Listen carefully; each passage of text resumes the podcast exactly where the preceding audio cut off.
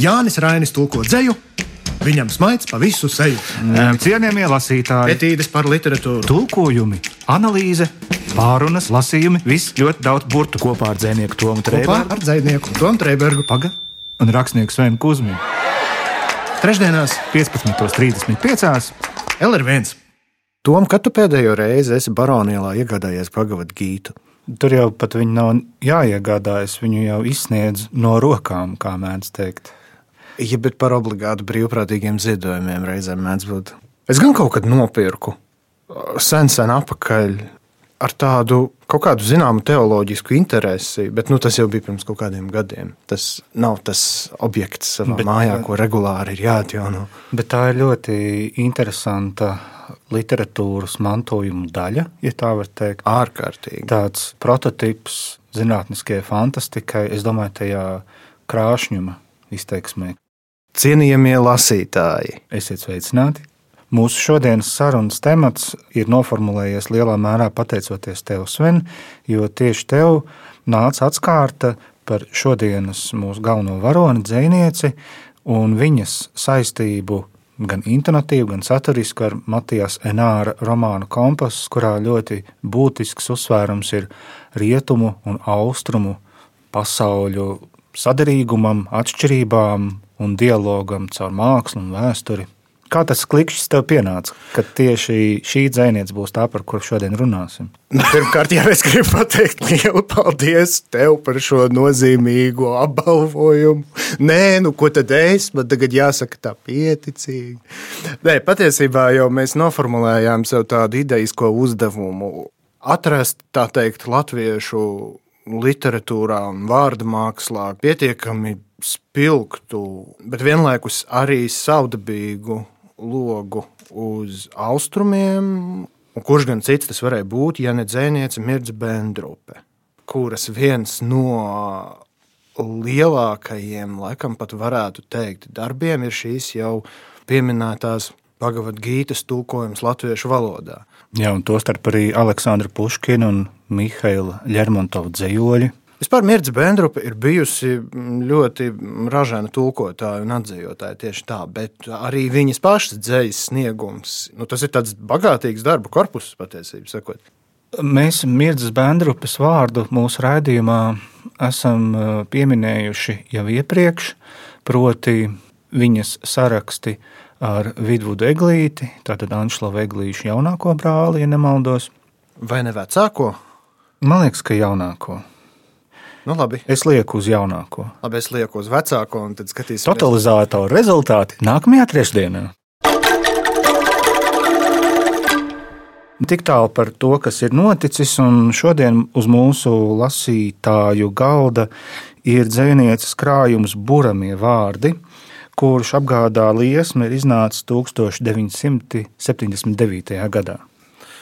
Nu, tad titulu dzējoli no grāmatas, ja jau tad jau. Jā, labprāt, un es varētu tad veidot tādu dzīslu sasaukšanos pēc tā, piemeklēt kaut kādu vēl tādu atbalstu motīvu ar vēl vienu dzējoli. Aha, atbalsts no galda pretējās puses. Tieši tā. Tā.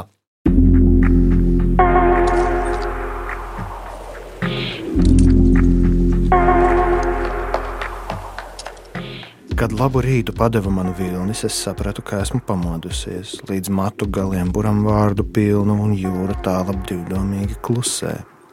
Ka viņa naktī, kad kāpās snaudu, un viņa redzēja, kā vēl pamiegam aiz nevarības raudu, tā man no savām zintīm pusi aizdevusi. Maiguma vārdu pusi, uguns vārdu pusi, čūsku vārdu pusi. Lai zinu, kas esmu, vēl būšu, spēju, kas iespējams vienīgi man, lai nav visu mūžu ar puselpu jāiztiek, pa pusvārdam jāizskan. No saulēkta gaļiem viens būs mans, ar dienvidus vanagiem skries arī mans, starp zudušiem vārdiem nezudīs mans. No laimīgiem vārdiem viens būs mans, buramie vārdi, pašu būrēju, bur, buramie vārdi, būrēju cieši tur, lai vairs nēju aklās vistiņas spēlēt ar nejaušu sesku, ar lapsām blēdīgām, lai muļķis bez pieres spēka, ar dūris spēku nepiespiestu strēpt viņa muļķības virumu, kur nēstu neizsalcis kāmis. Vēl daudz būs par manējo gudrāku galvu, bet ietiepīgākas nebūs viss. Pāvam izplūkto vietā ataugs požākas astes spalvas, mans lepnums vēl greznāks ataudzes. No saulēktu gaļiem viens būs mans ar dienvidus vanagiem skries arī mans, un vārds mans, lai bēdīgu galu ņem, ja solīto nepiepildu. Man nākas starp vistām un zīdastēm sākt gaļa, sākt vanaga ķildu, steidz modināt gailes, kad mosties nemaz negribas vistu klanam. Viņš pavēla apzvērt ķīvējas, ka gaismu jau mana kuļs pārnus pārgalvīgs tiepša šis taurē kaitina traucē zeltknābis blāzmas šķēpnesis, mīkrēšļu gaisu jaucējs, bet vanaks ilgi nejaudā ciest starp zelta statiem rīgu peļu dejas. Un tad viņš svilpj griezīgi zemienei sejā, kā akmens no lingas šaudamies uz peļu pelēko pasauli lejā, pat taisni, pat taisni vanaks trauc un sadugušus gaisus jauc svilpdams aizvien piktāk, kā izsvilpdams sliktus aktierus izrādē sliktā.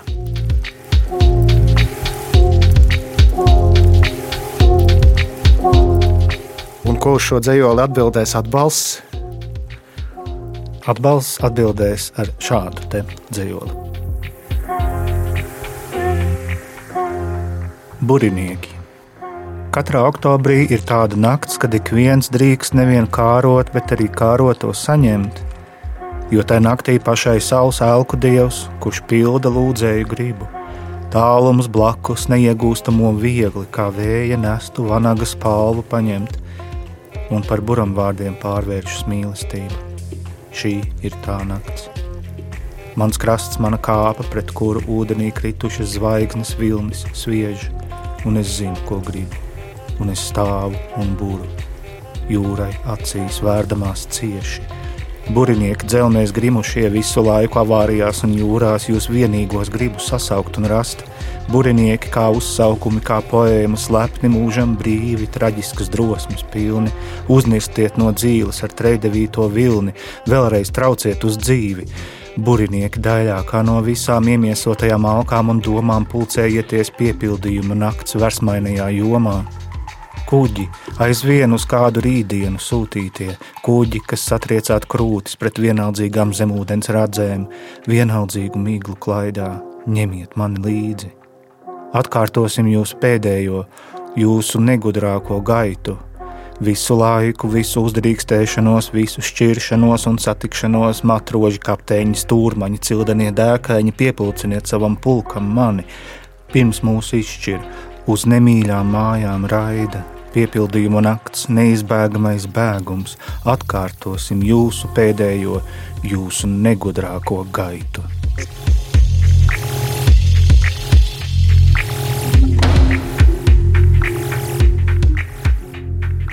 Un kā tev šķiet, piemēram, kad tu redzi šādu dzēju, vai tev liekas pašsaprotams tas tālākais attīstības ceļš, kurš noved līdz Pagavad Gītas, tātad līdz šī lielā reliģiskā teksta atzījai.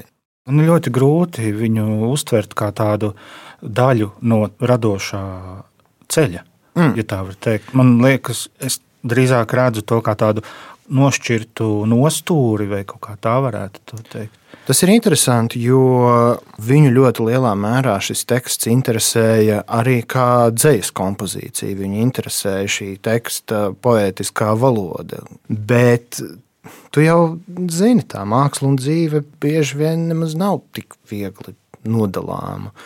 Nu, man šķiet, vislabāk šo nedalāmo saikni starp reliģisko dzīvi, praktisko dzīvi un literāro dzīvi raksturot tāds stāsts, kad Pendrupa vispār nodarbojās ar šo Bhagavad-gītas atzīšanu. Nu, viņa hindu valodu pārvaldīja, bet ne tādā līmenī, lai varētu tikai paļaujoties uz savām zināšanām, atšifrēt šo tekstu.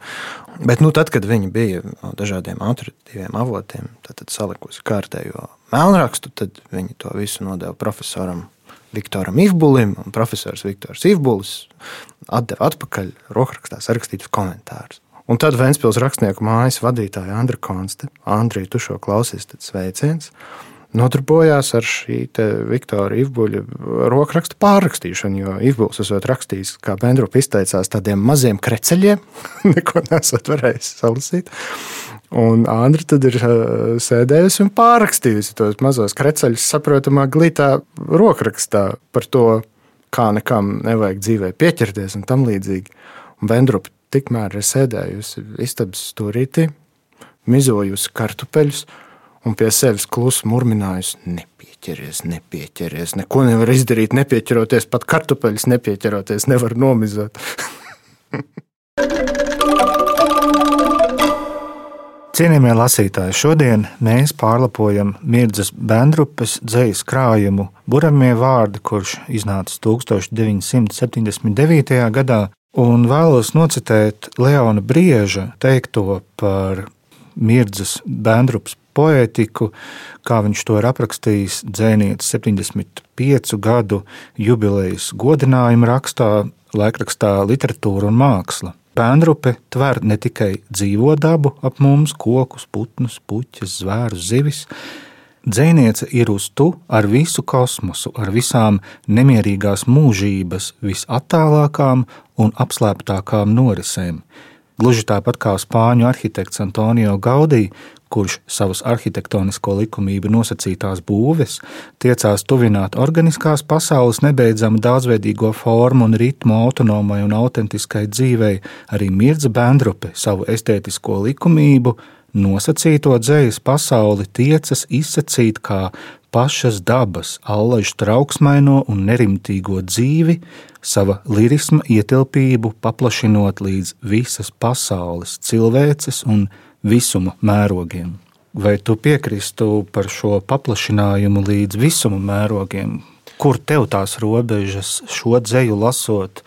iezīmējās, vai arī tieši otrādi tu saprati, ka robežu ideja kā tāda te nestrādā vispār?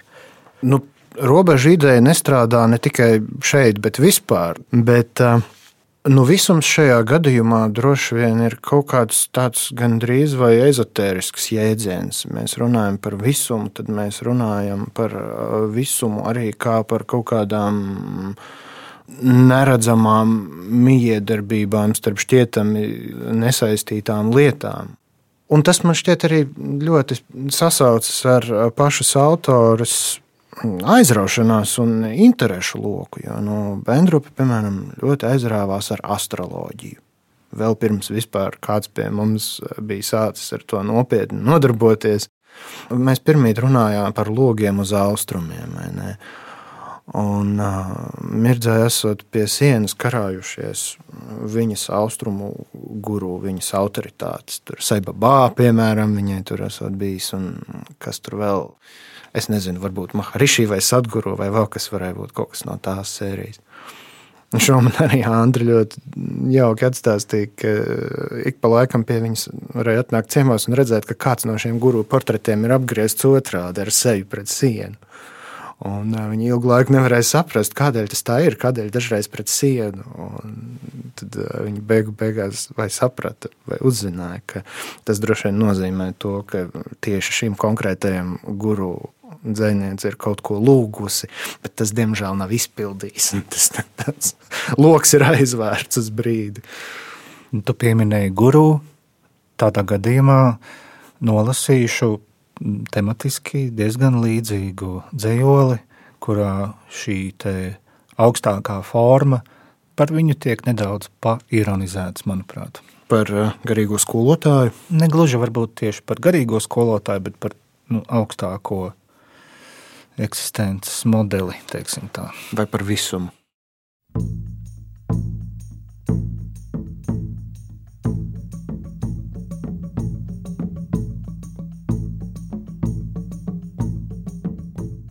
Koka dieviņš. No rīta es viņam saku, cik tu visgudri smaidi un izliecies, ka esi īsts dievs un visu zini. Tu taču esi vienkārši izgrebts no koka no bambuka dzinuma. Sēdi vesels, sēdi, tikai neizliecies, ka esi kaut kas vairāk par aušīgu bambuka blēdi. Man dienas gaitas ejamas, skrienamas, dzēnieks piedzimst, lai redzētu vairāk par citiem ļaudīm. Vakarā atgriežos mājās, kā vilkdama līdzi pati savu aizcirsto sakni, rūkta, smaga, un viņam saku: kāpēc es uz krāmu tirgu gāju. Pirmais, ko tur satiku, bija stulbs kā pagale, piektais, nešpatni viltīgs. Kāpēc es pēc tam uzkāpu kalnā? Tur es redzēju nosistu zelti. Viņa zelta vainags bija noripojis smiltīs, un visi saules zaķīši no tā aizbēguši. Vēl tur redzēju tikko nocirstu zīdkoka cēlmu. Kāpēc es tur gāju? Kāpēc? Bet dzinieks jau piedzimis, lai savāktu visas atskabargas, sāpes, lai redzētu visas šķērsām sacirtušās gaitas. Koka dieviņš smaida. Tad spējas atrūkstos, vai tiešām vaļā acīm laižos miegā. Dieviņš no koka paliecas uz manu pusi un pēkšņi man rokā guļ zīdkoka sēkla, dzīva, sasilusi. Bet dieviņš no bambuka dzinuma mierīgi smaida, priecīgi smaida, smaida, kaut ko zinādams. Man būs vien ar to sēklu vēlreiz jāuzkāpj kalnā pie zīdkoka celma. Dzēnieks piedzimst arī tāpēc, lai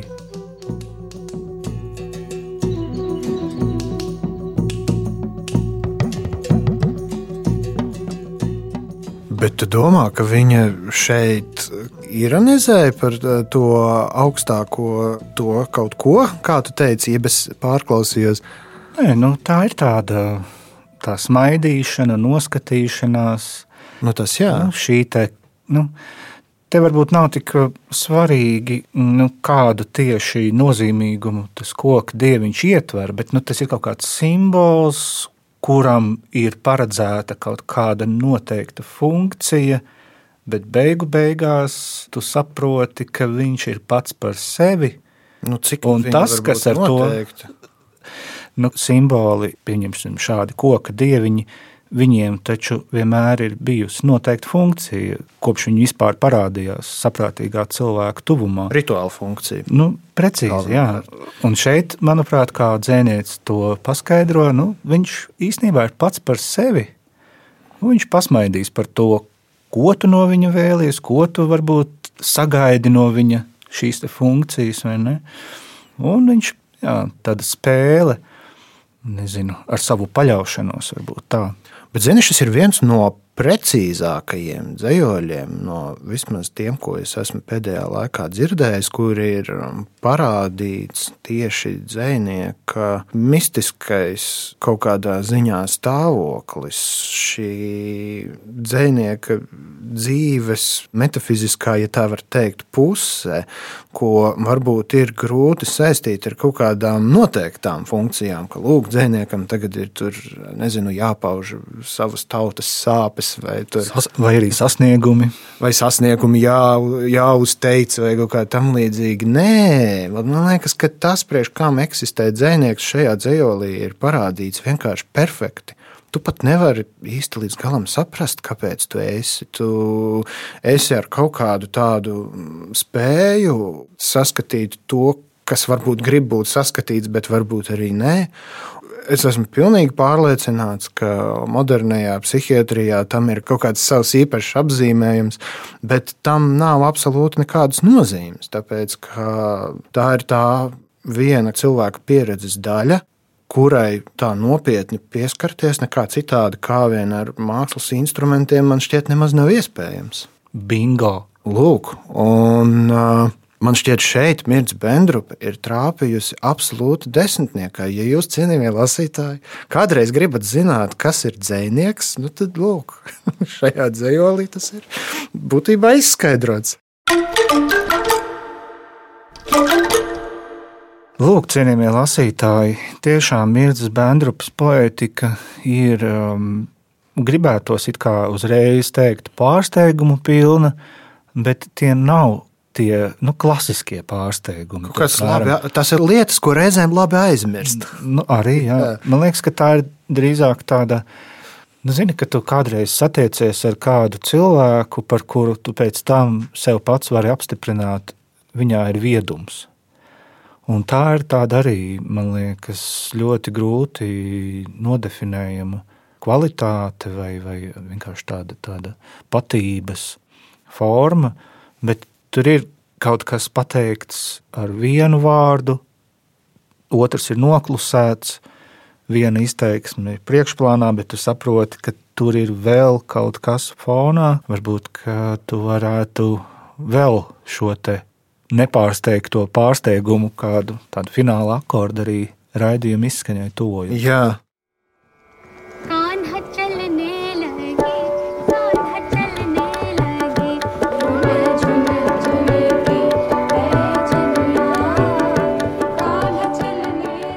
Dzīvoļu cikls saucas Dzīvoļi ar bēdīgām beigām.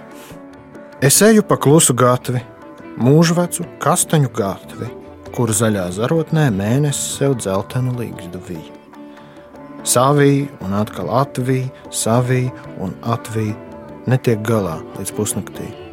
Bet es tā cerēju, savīs pasnaudīs brīdi un apniks, katram jau ceļu savi, man uz vēl dziļāku sapni viņam uz saulēktu pusi. Cerēju aizritēs apaļais mēnesis, tad varētu pamest tā līgzdā uz augstākā zāra, ielavīties uz dusu. Līgzda skaidrā zeltā ziboša, tumši zaļš zars, gaišs zils cārspīdīgs klusums, vai kādas aplamības, it kā kaut kur vēl varētu patvērties klusums. Tikai piecelties vajag agrāk, ja posies uz zveju. Rīta mīkrēšļu soļi īsi, piecelties vajag pirms ausmas, un tu ieraudzīsi. Uzlecam sauli no ezera kā milzīgu, jautru, sarkanu, spurainu ķīsi. Un, ja tu laivā aiz prieka nedīdīsies pāri lieku, drusku ūdens paņemsi mutē, nomierināsies pilnīgi, redzēsi vēlāk uznirstam līdz ar pirmo dzidro vēl lēnīgo vilni, sapalu ezera valdnieku sirmo, apaļu, gandrīz vai riteni. Tikai ar asti un galvu. Un, ja palaimēsies, redzēsi arī līni. Nu, vai zini, tu taču neapgalvosi, ka tai ezerā peld dzīves zivis. Debesis atsilst, dūmi augšup stīdz, baloži pa jumtiem starp mākoņiem staigā, sniega smarža tīra, maizes smarža svaiga, parastas dienas, parasts rīts. Ļaudis, ļaudis, tā upes dzen visspēcīgākais vējš, atplūst, aizplūst, saplūst kopīgā plūsmā, blakus pretī garām un garām, nepazīstot drīzumā, kas līdzās savējs vai svešs. Neviens kādā smaidā, kas jāpatur, jāuzmin, sevi nepazaudējis, nepaguvis atrast, ka tas neatkārtosies, zināja katrs, un aizmirsis bija, ka zina. Steiga, steiga, kas elpā smelts, parādā visi visam, tā arī palicis guļot uz ielas, kupenā vizot. Prieks, zelta gradzens, neviena nepacelts.